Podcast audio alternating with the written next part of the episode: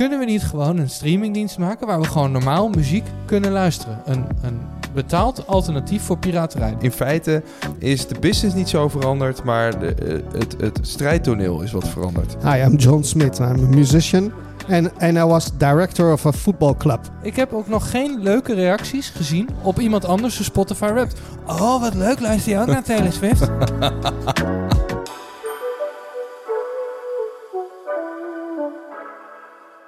Nee, wa- waarom we het over muziekstreamers wilden hebben, daar waren we het volgens mij allemaal over eens. Wrapped, Spotify Wrapped is dus net weer uitgekomen. En dat is een hele heisa. Maar dat was best wel een leuk haakje om het eigenlijk over dit onderwerp aan zich te gaan hebben. Ties en Tal, goed dat jullie er zijn. Muziekstreaming platformen, die zijn huge. Er zijn er veel. Er zijn er meer dan één. Hoe gaat het eigenlijk met al die concurrenten? Want alles is Spotify. Iedereen deelt Spotify Wrapped. We moeten het hier nodig over hebben. Ja. ja. Toch? Nou ja, beginnend bij dat Spotify Wrapped. Ja? Daar ben ik nu al klaar mee. Het is nog het einde van het jaar, is nog niet eens in zicht. En ik heb nu al van 100 mensen gezien welke muziek zij wel of niet leuk vinden. Ja, het interesseert me echt geen reet. Niet van mij, toch? Nee, gelukkig niet. Nee. Hoezo? Wat, wat, wat bedoel je? Het interesseert je geen reet. Nou, ik denk de Spotify Wrapped maakt Spotify voor jou. En die deelknop, die zit er... Ja, het is eigenlijk een suggestie. Dat is echt de domste suggestie die er is. Het is de slimste marketing tool tot nu toe. Ja, maar niemand... Het interesseert niemand wat. niemand. Ik heb ook nog geen leuke reacties gezien op iemand anders' Spotify Wrapped. Oh, wat leuk, luister je ook naar Taylor Swift? What the fuck? Zoveel woede. Maar het- mensen delen het wel, maar ze reageren niet echt op elkaar. Nee, Maar- omdat het maar- niemand wat interesseert. Maar stel dat je Taylor Swift bent en je deelt jouw Spotify Wrapped, dan zouden mensen dat wel tof vinden, denk ik. Ja, zijn scheet laat vinden mensen dat tof. Ja, Ja. Dus zij is dus, de, dat zag ik, de meest gestreamde artiest op Spotify, hè? Taylor Swift. Zag Ja. ik vandaag, toevallig. Ik las dat zeg maar eh, bij Spotify dat een stream geschat wordt op ongeveer tussen de 0,003 en 0,005 dollar cent. Oh. Nee, nee, wacht even. 0,3 tot 0,5 cent. Zij heeft 110 miljoen listens per maand, keer mm, 0,3 cent. 33 miljoen euro Per maand aan Spotify. verdient zij per maand aan Spotify, Taylor Swift. Met 110 miljoen streams dus. Ja. Ja. En zij is dus de best betaalde Spotify. Ja, dan artiest. zal ze waarschijnlijk op Spotify het meest verdienen, want het zal het meest gebruikte zijn. Maar, maar ook Apple en YouTube Nou, en weet ik veel wat. Dat vind ik een mooi bruggetje, want dat weet ik eigenlijk niet. Hoe wordt eigenlijk geld verdiend in de muziekindustrie? Nou, dat weten wij wel. Dat weten we gelukkig. Nou, laten we het even op Nederland betrekken. Je hebt in Nederland je hebt een aantal organisaties, zoals Buma Stemra en Mhm. Sena. Mhm. Sena die is voor de zanger, dus voor de uitvoerder.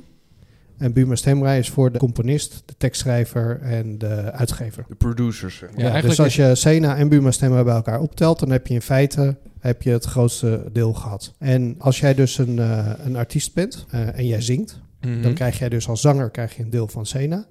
Maar iemand heeft jouw nummer geschreven, die Ja. krijgt een deel. Iemand heeft de muziek gemaakt, die krijgt een deel. En iemand heeft het nummer uitgegeven, die krijgt een deel. Ja. Dat is best, maar dat is dus best goed geregeld. En even voor alle duidelijkheid, dat is dus bij de wet geregeld. Dus er zijn door de wetgever worden er ehm, eh, ja, wordt een organisatie aangewezen als een collectieve beheersorganisatie.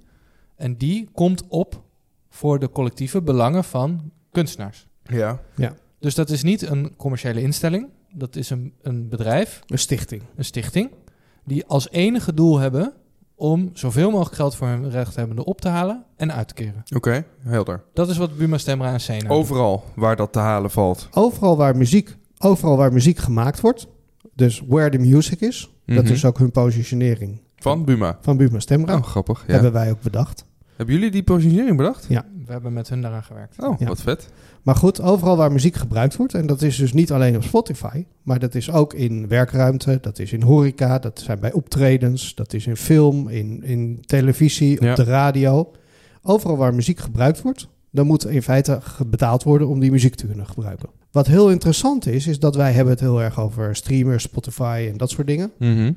Maar eigenlijk zijn de opbrengsten voor de muzikanten via deze beheersorganisaties van online zijn wel de afgelopen jaren heel hard gegroeid, Mhm. maar nog steeds vrij gering. Van online bedoel je? Ja, dus Specifiek. laten we zeggen dat er in Nederland ongeveer 400 miljoen euro omgaat in muziekopbrengsten. Vind ik niet zoveel eigenlijk. Ja, dat, Dus ex- ex-concertkaarten en dat soort dingen. Oh, dus echt alleen het ja, luisteren. dus het, het betalen aan de makers van de muziek, ongeveer 400 miljoen. Van die 400 miljoen is misschien 60 miljoen online. En 340 miljoen zijn werkruimte, horeca, reclame, radio, tv, ga zo maar door. Mechanisch Oh. recht. Mechanisch recht. Dus, dus mensen kopen ook nog steeds cd's of, of platen. Als je een cd of een plaatje koopt, zit er een deeltje van het bedrag, gaat naar de makers, Een deeltje. Ja. Ja, naar, naar de rechthebbende. naar de rechthebbenden. En dat is natuurlijk vroeger altijd zo geweest. Met cd-verkopen en dat soort dingen. Ja. Ja. Is het dan lucratiever of minder lucratief geworden voor de artiest? Nou, het interessante is dus dat een artiest veel meer kan verdienen aan radiozenders en tv dan aan online streamers. Ja, ja. En dat komt natuurlijk omdat de Spotify's en de YouTubes van deze wereld, die betalen dus minder uit voor hetzelfde stukje gebruik van dat muziek. En eh, zou je nou zeggen van ja, is dat heel schandalig? Eh, ja. Maar tegelijkertijd zie je dat Spotify maakt nog geen winst. Kunnen we het zo over hebben? Ik heb de cijfers. Ja, oké. Nou, laten we het daar zo over hebben. Maar het was heel lang zo dat Spotify geen winst maakte. Dus dan kun je ook... Ja, zij betaalden al natuurlijk een heel groot deel van, van de muziek. Betaalden ze al uit aan de rechthebbenden. Maar nog steeds is dat, ondanks dat het vervijfvoudigd is in de afgelopen vier, vijf jaar... van 10 miljoen naar 50 miljoen in Nederland, zeg maar... Mhm. is het nog steeds een heel klein deel van de totale opbrengsten... voor makers van copyright, voor makers van muziek. Dus het is eigenlijk heel lucratief om nog aan te sturen op het draaien van je plaatje op radio en televisie. Ja. Ook als jonge artiest. Ja, een popplaat. Een popplaat die vervolgens in een eh, campagne van Toyota gebruikt wordt. Dat is veel lucratiever dan eh duizend extra streams in de maand. Ongelooflijk. Dat wil je dus eigenlijk. Ja, nog wel. Wat misschien wel interessant is om dat punt even te maken, is dat wat Buma Stemra dus doet en Sena hè, als collectieve beheersorganisatie, die vertegenwoordigen de artiesten. En zij maken de deal met Spotify En YouTube. en eh, YouTube en Apple De Music. deal hoeveel de artiest krijgt. Ja, zij, zij sluiten die deal. Oh, wauw. En die, je hebt natuurlijk ook, je hebt ook in Duitsland heb je een Buma Stemra en in Frankrijk en in Amerika en in Engeland. Je hebt dus in alle landen. Ja, die heten dan soort- geen Buma Stemra, Nee, die heten PRS of... eh, Maar die Ja. kunnen het dus beter voor hun Duitse artiesten regelen als het ware dan wij dat voor onze Nederlandse artiesten doen. Ja, want als jij, als jij een Nederlandse artiest bent, die bij wijze van spreken in zijn... eh, hè, als jij uit Volendam komt en jij Mhm. bent een Volendamse artiest... Hè, en je noem- breekt door in Amerika. Ja, dan is het feest. Nee, nee, maar stel, je gaat niet doorbreken in John, Amerika. John Smith. Hi, I'm John Smith. I'm a musician. Ja. and, and I was director of a football club. Nee, maar als jij in eh, Volendam in de kroeg heel veel gedraaid wordt... Ja. dan krijg je natuurlijk... En je gaat naar Spotify en dan zeg je... ja, ik wil met jou onderhandelen over hoeveel jij per stream gaat betalen. Ja, dat, slaat, dat werkt natuurlijk Nee, niet. nee. Dus als Buma Stemra daar nou komt met al het Nederlandse copyright... en die gaat de onderhandeling in met Spotify... want Nederlanders zijn natuurlijk niet blij... als alle Nederlandse artiesten niet op het platform vertegenwoordigd zijn. Dan gaan ze bij Spotify weg. Nou, en, Ja, want dat is de onderhandelingspositie die ze hebben. Is dat wel eens gebeurd, zo'n dreiging vanuit Nou, eh, Buma Stemra of zo? nou, daar wil ik nog wel iets aan toevoegen. Het is, eigenlijk nog, het is eigenlijk nog beter, want het gaat om het collectief. Dus John Smith van Mhm. Volendam, dat is een Nederlands copyright. Mhm. Maar eh, Tiesto, of eh, hoe heet die jonge DJ die nu eh Hartwell... Martin eh, Garrix. Martin Garrix, Ja. is ook Nederlands copyright. Mhm. En dat zijn dus de grote artiesten die best wel wereldwijd gebruikt, ingezet worden. Dus gestreamd worden Zeker. en geluisterd worden, terecht. Dus, dus de dance is een grote exportfactor. en de John Smith van Volendam, die profiteert dus van, eh, van de grote namen. Want Ja. het wordt allemaal als één collectief, gaat men die onderhandeling in. Oh, wauw. Ja, dat is wel grappig. Zo heb ik er nooit over nagedacht eigenlijk. En eh, elk land heeft zo zijn ding, of bijna elk land. Ik weet niet of er in Noord-Korea iets zit. Of in China, weet ik eigenlijk ook niet. Maar stel, Dus alle muziek is al van de staat. kijk, Dat is makkelijk. wat gebeurt er nou? Je, eh, Taylor Swift hadden we het net over. Die wordt in Nederland gedraaid. Ja, veel. Ja? Op de radio. Mhm. Hoe komt dan het geld van de radiozender in Nederland naar Taylor Swift in Amerika? Dat komt omdat de Nederlandse CBO, de Nederlandse Buma Stemra, die INT en de SENA, die innen ook weer voor buitenlands copyright geld, wat dan weer verplaatst wordt naar Amerika. Mhm. Het duurt wel even, want het is ook nogal uitgezoek. Eh, eigenlijk is er een soort wereldwijd netwerk Mhm. waarin landen, beheersorganisaties, voor elkaar copyright van dat land innen en weer eh, verplaatsen naar een ander land. Ja, oh, heel interessant. Dus- Ja. En die hebben nauw contact met elkaar, die organisaties. Ja. Dus als jij een, een jong iemand bent en jij gaat muziek maken en je breekt voor het eerst door of wat dan ook. Je hebt geen onderhandelingspositie met YouTube. YouTube, ja, ga Nee. maar, probeer maar eens Google te bellen. nee, klopt. nemen de telefoon niet op. Het zal ze echt een rotzorg zijn Ja. wat jij ervan vindt. Ja. als je Taylor Swift bent, dan wel. Ja, ja maar, Ja, maar voordat je daar bent, Ja. en, en dat is dus... Dat is van, wat oh, je heel- gebruikt mijn nummer en ik krijg geen geld voor. Ja, eh, zoek het uit. Zo. Ja, ja. Ja. Daar hebben ze, ze hebben dus ook heel lang, hebben, hebben de grote platforms zich achter verschuild. Hè? Dus achter een eh, maas in de wetgeving. Zeiden ze, ja, maar de, onze eh, gebruiker die uploadt de muziek, dat doen wij niet. Dus wij zijn niet verantwoordelijk voor de inhoud van het platform. Ja. Oftewel, we dragen niks af. Nou, en als we naar Google kijken, Google verdient vrij veel geld met YouTube. Hmm.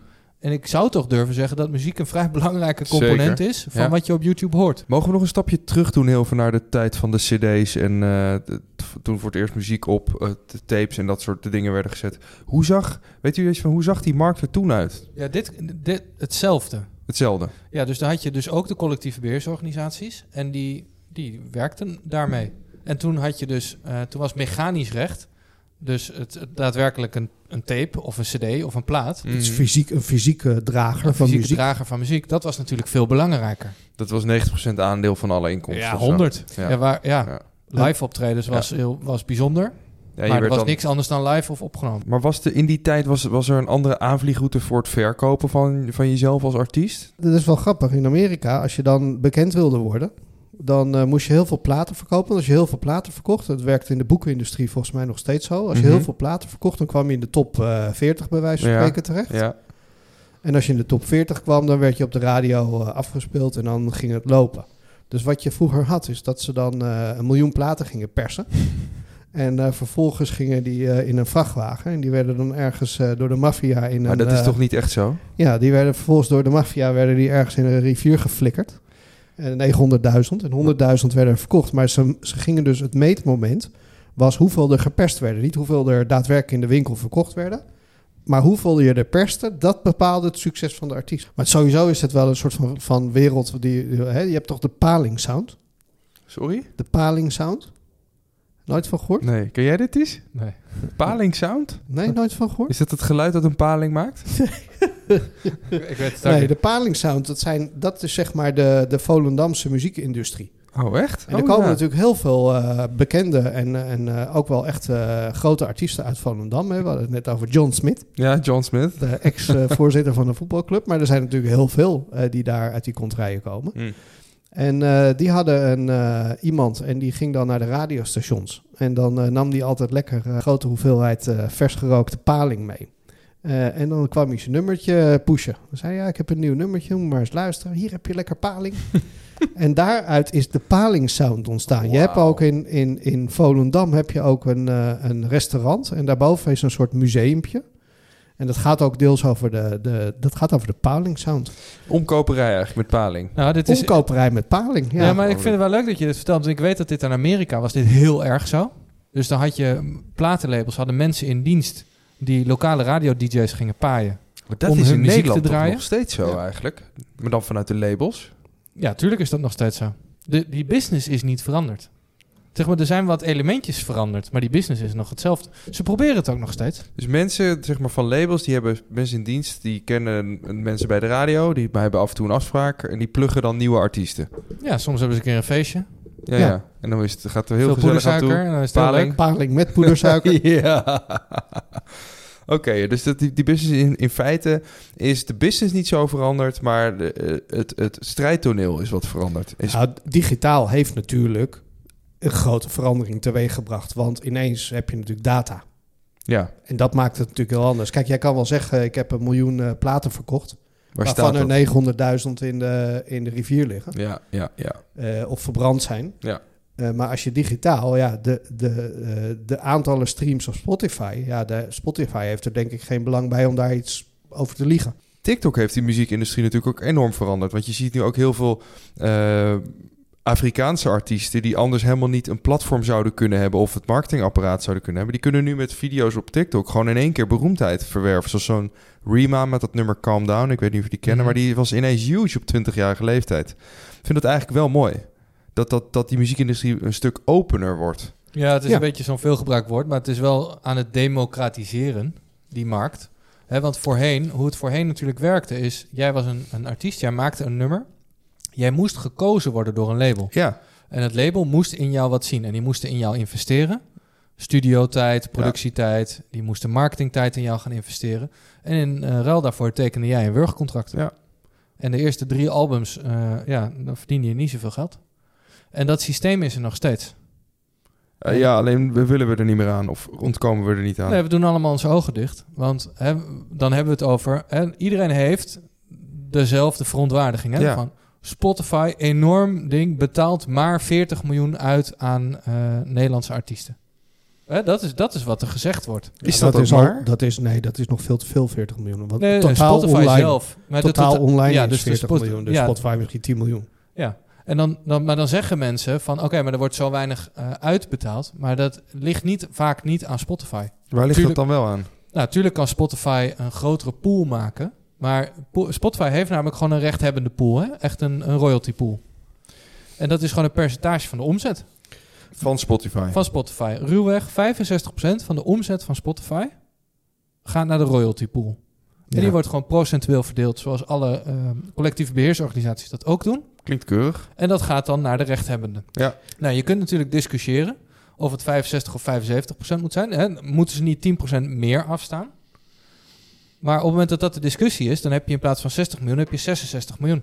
Ja. Dat is de rek die erin zit. Ja. Dus de totale royalty pool kan misschien omhoog met 10% Daar kunnen we, dat, dat zal ik zo zeggen. Ehm, maar het probleem is natuurlijk, wat, waar blijft de rest van dat geld? Ja, dat, die vraag heb ik ook. Ik- Waar blijft de rest van het geld? Nou, er, is, er is dus in de eerste plaats niet zoveel geld. En een heel groot deel blijft aan de strijkstok van de labels hangen. En hoeveel betalende abonnees denk je dat Spotify heeft? Nu. Oh, is ook wel interessante trouwens. Daar verbaas ik me ook Ja, altijd ik weet over. hem. Ik weet hem niet. Vertel maar. Nou, maar we hebben 7 miljard mensen in de wereld. Hoeveel mensen daarvan gebruikt, denk je, Spotify? 200 miljoen betalende... Ja, 220 Ja. miljoen. Laatste gegevens, juni 23. 220 miljoen betalende en 550 miljoen niet betalende subscribers. 550 miljoen Of- niet betalende. Nee, monthly active users. Oh ja. Ja. Dus dat betekent dat, dat 220 miljoen, dat lijkt natuurlijk heel veel. ja. Maar dat is voor een platform die nummer 1 is, verre weg. Zij zijn echt de marktleider. Mhm. Is dat natuurlijk relatief nog heel weinig. Ja. Kijk, op het moment dat zij natuurlijk een miljoen... Kijk, die, die business die staat wel. Die artiesten die staan er wel op. Mhm. Dus op het moment dat je tien keer zoveel gebruikers hebt... of vijf keer zoveel gebruikers... kun je natuurlijk ook vijf keer zoveel uitbetalen. Zo'n zo'n service als Spotify is voor mij een fact of life. Dat heb je gewoon. Want ja, wat, wat ga je anders doen? Ga je reclames luisteren op YouTube? Nee. Toch? Nee, ja, ik, ik denk dat dat tientje per maand... of 15 euro per maand, wat is het? Dat dat het zeker waard is. Ja. Eh, maar dat is wel zo geworden, want eh, eh, toen, toen de digitalisering in de muziek begon... Ik weet nog goed dat je had die, die Hans Breukhoven van de Free Record Shop. Ja. Die had ook een soort platform. En dan kon je dan muziek downloaden tegen betaling. Ja. En dat kon je dan op zo'n iPod zetten, die met zo'n draaiwieltje. Dus er waren heel veel partijen Maar dan die... kon je downloaden, die muziek. Ja, tegen betaling. Betaald downloaden. ja, betaald maar downloaden. je kon het ook eh, illegaal downloaden. Ja, je de kon het ook handeling was illegaal downloaden. De handeling was hetzelfde. Waarschijnlijk had je het illegaal gedownload sneller. Ja, ja. Want je had ook nog helemaal geen iDeal of zo toen. Nee. En zijn selectie was niet goed. En hij had heel weinig, dus het was allemaal eh, KUT. Dus, ja. En, en, en het interessante is, is eigenlijk dat zeg maar die, die, de, het idee van de oprichters van Spotify was om dit probleem op te lossen. Ja, klopt. Ja, kunnen, kunnen we daar even naartoe? Die, die, dat moment, Spotify heeft natuurlijk dat opengebroken, gepioneerd. Kunnen we daar eens naartoe? Hoe zag dat eruit? nou, dat was dus een, een eh, zoals in het Engels zouden zeggen, een uphill battle. Oké. Want eh, wie ging er... eh doe een gok wie Spotify tegen ging werken toen zij zeiden... wij willen muziekstreaming mogelijk maken voor iedereen. Nou, ik denk de, de beheersorganisaties, de platenlabels. De labels. De labels? Ja, de labels. Ja, nee, dit is het niet. Waarom niet? Nou, die verdienden heel veel geld om eh cd'tjes en andere troep te Die verkopen. ze in de gracht dumpten. En, eh, ja, en andere maniertjes. Ja. Die verdienden daar heel veel geld mee. Maar wacht even, de- hoe is Spotify? Daniel Ek heet die oprichter volgens mij. Hoe is dat, ont, hoe is dat uit welke gedachte komt dat voort? Nou, eh, hij komt uit het land van de Pirate Bay. Oh ja, Hè, uit Zweden. Zweden. En eh, Zweden, daar weten wij toevallig, die hebben een vrij militante eh, collectieve beheersorganisatie. Een stuk militanter dan eh, de meeste. Hè? Hmm. Die, die zijn echt van de, van de gedachte van eh, halen wat er te halen valt, zeg Oh, maar. ja. Maar, maar vergis je niet, Zweden qua muziekland is, is echt vele, vele malen groter dan Nederland Ja, qua muziekland. Ja? Ja, echt vele malen Abba? groter. Nou, je hebt daar heel veel producers zitten. En, Oh ja. en eh, het muziekonderwijs in Zweden is ook vast eh, muziekonderwijs. Dus, dus er komt ontzettend veel muziek uit Zweden. En Ja. dan niet zozeer alleen maar de mensen die zingen, maar vooral producers en dat soort dingen. Dus die muziekindustrie was huge. Dus is logisch huge. dat dat in daar Zweden vandaan is dat komt, huge. Spotify. Laten we zeggen dat die in Nederland eh, eh, 200 miljoen is. eh, of, of twee- 300 miljoen, dan is hij daar zeg maar volgens mij factor 2 of 3. Oh ja, Terwijl het land qua inwoners is kleiner, kleiner is. denk ik. Ja. Ja. dus het is niet gek dat Spotify in zo'n land ontstaat. Hij was al een internetondernemer. En eh, hij had dus eigenlijk het idee, terwijl hij met een, een vriend probeerde zijn muziek te luisteren. En, en ja, dan zeg je dus, hey, eh, draai dit nummer eens. Mhm. En dan moest je dus naar eh, Napster of LimeWire of LimeWire heb wat. ik nog gehad. Hè, dan ging je intoetsen en dan moest je het juiste nummertje vinden. En dan Ja. een klik en dan moest je wachten. En dan was je eigenlijk alweer vergeten wat je wilde luisteren. Dan, was het, eh, eh, dan had zeg maar de beheersorganisatie had weer iets anders geüpload... Ja. waardoor je niet kon luisteren. Moest je er nog een downloaden. Ja, van die porno-geluiden kreeg je dan ook dat erdoorheen. was super irritant. Het is echt verschrikkelijk. En er was dezelfde gedachte van... hey, kunnen we dit niet beter maken? Kunnen we niet gewoon een streamingdienst maken... waar we gewoon normaal muziek kunnen luisteren? Een, een betaald alternatief voor piraterij. Dat is wat hij is Ja. gaan ontwikkelen. Dat, is zijn, dat was zijn missie. En dat is hem dus wel gelukt. Alleen, hij, wilde, hij dacht... oké, we gaan dit, we gaan dit beginnen. Wij gaan gewoon een mooi digitaal platform maken...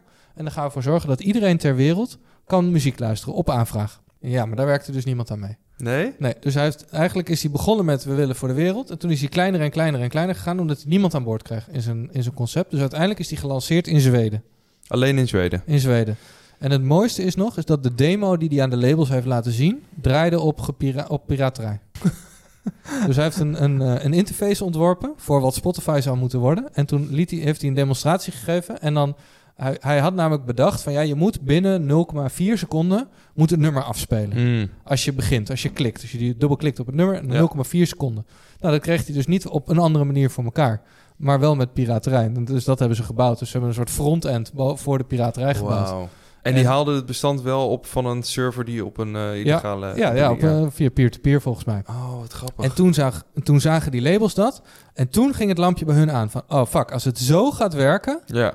dan is dit de toekomst. En nu moeten we die rechten vrijgeven. Ja. Of in ieder geval moeten we een deal maken. Ja. En dat hebben ze gedaan met Spotify. eh, Zweden, Zweden in eerste instantie en toen rest van Europa. En later pas de steeds. En daar heeft hij dus wel echt dat, dat de piraterij in de muziek heeft hij daar vrijwel mee uitgeschakeld, toch? Dat daar is niet echt meer sprake van. Ik bedoel, downloaden jullie nog muziek? Nou ja, hoor je, hoor je Tim Kuik van Brein nog wel eens praten over muziekpiraterij? Nee, Volgens mij is dat geen issue meer. Want ik ben eigenlijk altijd best wel voor piraterij geweest. Omdat de, de mensen die niet kunnen betalen, is niet deel van je doelgroep. Dus iedereen die het sowieso niet voor betaald had, ja, als die het piraat, dan verlies je niks aan. Nee. Ja, je verliest, hè, bla bla bla, het is stelen. Nee, het is niet stelen. Hè, het, is, het is gebruiken van iets wat er is, zonder ervoor te betalen. En daar Ja, kunnen we een hele discussie over voeren, maar geld had je er sowieso niet Het aan klinkt verdiend. alsof jij het iets goeds vindt, piraterij. Ja, het werkt op zich wel heel erg goed. Het is een, een, een soort, een hele, heel goed deel van de marktwerking. Dus als je geen piraterij hebt, dan hebben de labels een hele beperkte stok achter de deur om daadwerkelijk verandering te omarmen. Ja, dus piraterij draagt bij aan innovatie, zeg je eigenlijk. Ja, en aan een gezonde markt. Want wat er niet zo kan zijn, is dat die labels dan een of ander gaar platform hadden aangeboden.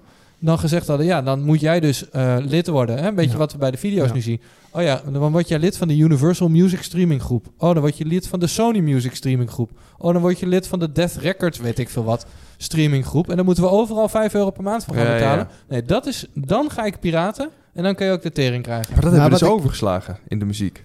Door Spotify. Ja. Maar wat ik dus wel denk, dat door Spotify is bijvoorbeeld live optredens zijn veel meer toegenomen. Dus, dus doordat je eh, eh, toegang hebt tot alle muziek, wil je ook die persoon in het echt Ja. zien.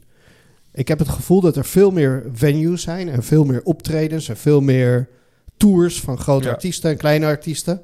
Dat muziek dus echt ook door, door Spotify en door platforms en door Ja. digitalisering veel meer eh, eh, tractie heeft gekregen in live optredens.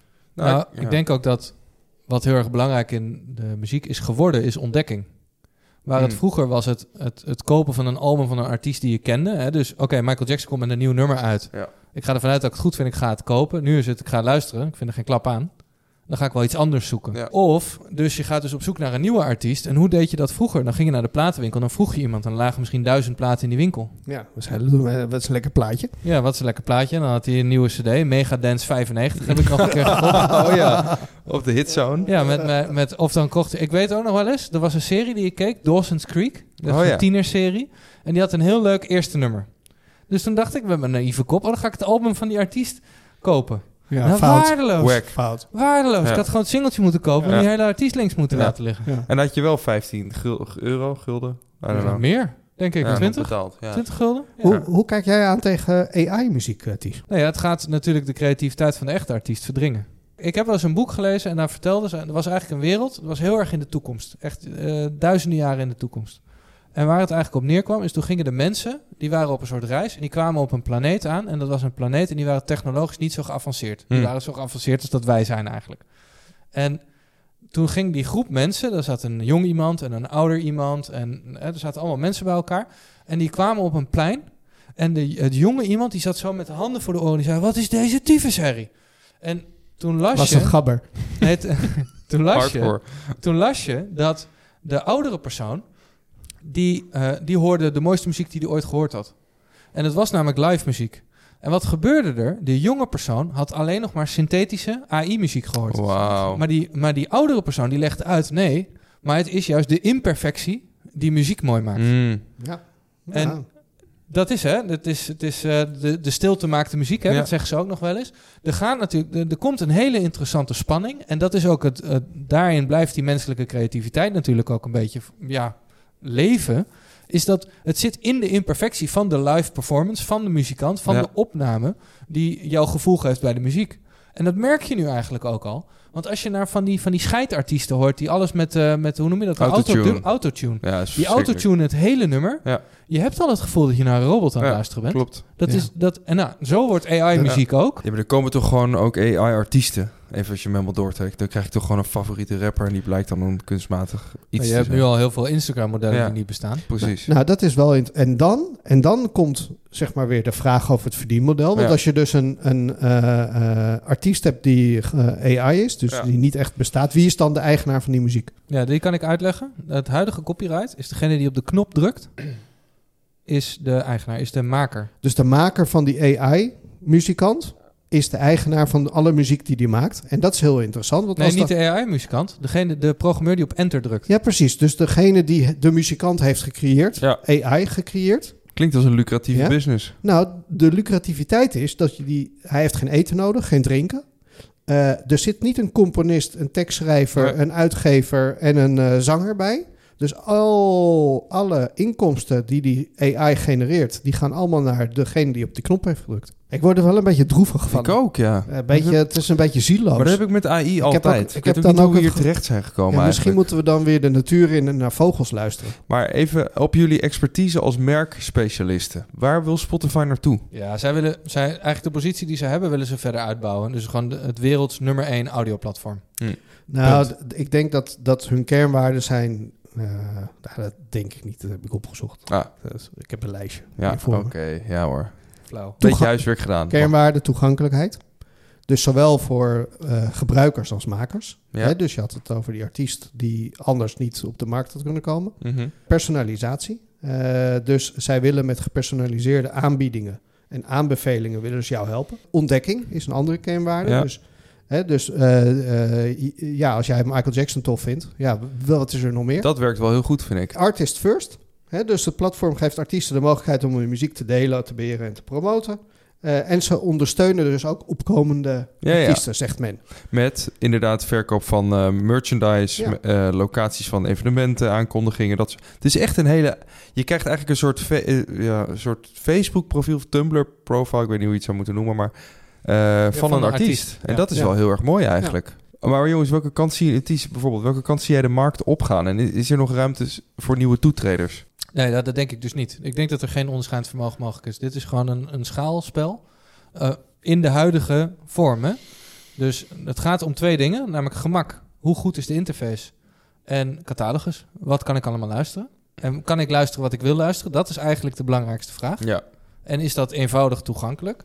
Nou, dat is, laten we zeggen dat Spotify dat goed voor elkaar heeft, maar ik kan me niet voorstellen dat dat bij Apple heel veel slechter is. Dat denk ik dus ook niet. Nee. En hoe ga je dan onderscheiden? Nee, dat is het dus niet. Nou, ik, ik heb twee dingen. Eén, daar hebben we het al net over gehad, die ene dienst die hele hoge kwaliteit levert. Tidal. Eh, dus je hebt inderdaad van die muziekofielen, Ja. die dan eh, speakertjes van eh, 5K met eh 8K een goudkabel van Ja. eh, de ene naar de andere versterker. Ja. En dat zijn echt die, eh, en die gaan natuurlijk niet op hun eh, inferieure Spotify kwaliteit naar die muziek luisteren. Dus dat is onderscheidend.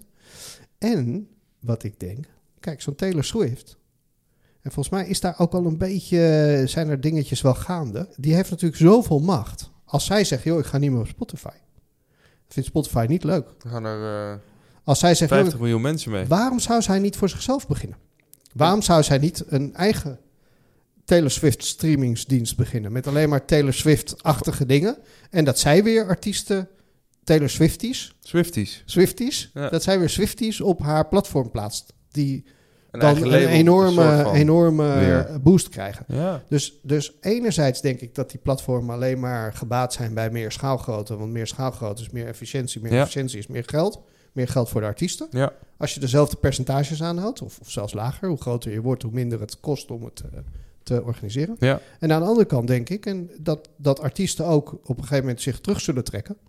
En eh, dat weer zelf gaan doen. Spotify gaat gewoon door. Apple Music gaat door. YouTube Music gaat door. Gewoon Ja. puur en alleen omdat zij een groot platform zijn en daarmee door willen zetten. Ehm, kan er nog een kleiner, een, een nieuw platform komen? Ja, op het moment dat het zo'n Tidal is. ja. Die dus iets heel specifieks gaan doen. E- Echt iets anders gaan doen. Ja, kijk, we hebben natuurlijk in Nederland Podimo met die podcast. Hè, dus dat, dat, is, dat is een app en die willen audioplatform, maar dan specifiek voor podcasting. Ja. Ehm, ik denk dat dat, dat dat een richting is. Ik denk dus wat er ook gaat gebeuren, is dat er een apart platform komt voor AI-music. Hm. En dat is natuurlijk een stuk goedkoper. Kun je voor een eurotje per maand kun je onbeperkt AI-muziek luisteren. Zo, ja, creepy shit. Ja. Ja. en dat lijkt dan heel erg op, eh, op eh, weet ik veel, John Coldplay. Als je Coldplay-fan bent. Ja. Het lijkt heel erg op Coldplay, maar het is geen Coldplay. Alles lijkt dan op Coldplay. Dat is Denk mijn je? angst. In, mijn, in, mijn, in, jouw, de, jouw nachtmerrie. in de hel staat er alleen maar Coldplay of op Coldplay lijkende muziek aan. Oh, dat zou ik niet zo erg vinden. Nee? Nee. De hele dag door? Maar het is niet de zanger, het is bijna het de is zanger. bijna de zanger. Nee, Cold- nee, Coldplay. Alleen dan, dan kan je ook zeggen, ik wil met een eh, Thaise Coldplay. Ja, Thaise Coldplay. Wil je, waarvan ben je fan? Nou, Coldplay. En waar kom je vandaan? Thailand? Dit Dan lijkt krijg je een soort Thaise Coldplay. Nou jongens, dit was Don't Be a Penguin. Ja. Bedankt voor het luisteren. Zullen we- Volg ons alsjeblieft overal waar je kijkt of luistert. TikTok, leuk. Shortform content. Eh, op Spotify, volg ons als je dat nog niet doet. Check op YouTube voor de lange videoaflevering. En eh, mannen, bedankt weer voor vandaag. Ja, Die stal. Zullen we de mic dorpen? De mic, nou, ja, moet je hem loshalen? Ja, Het maakt wel heel veel herrie. Oké. Je kunt er tegenaan slaan, dan Kijk. klinkt het al zo. Drie, Mic drop. twee, één.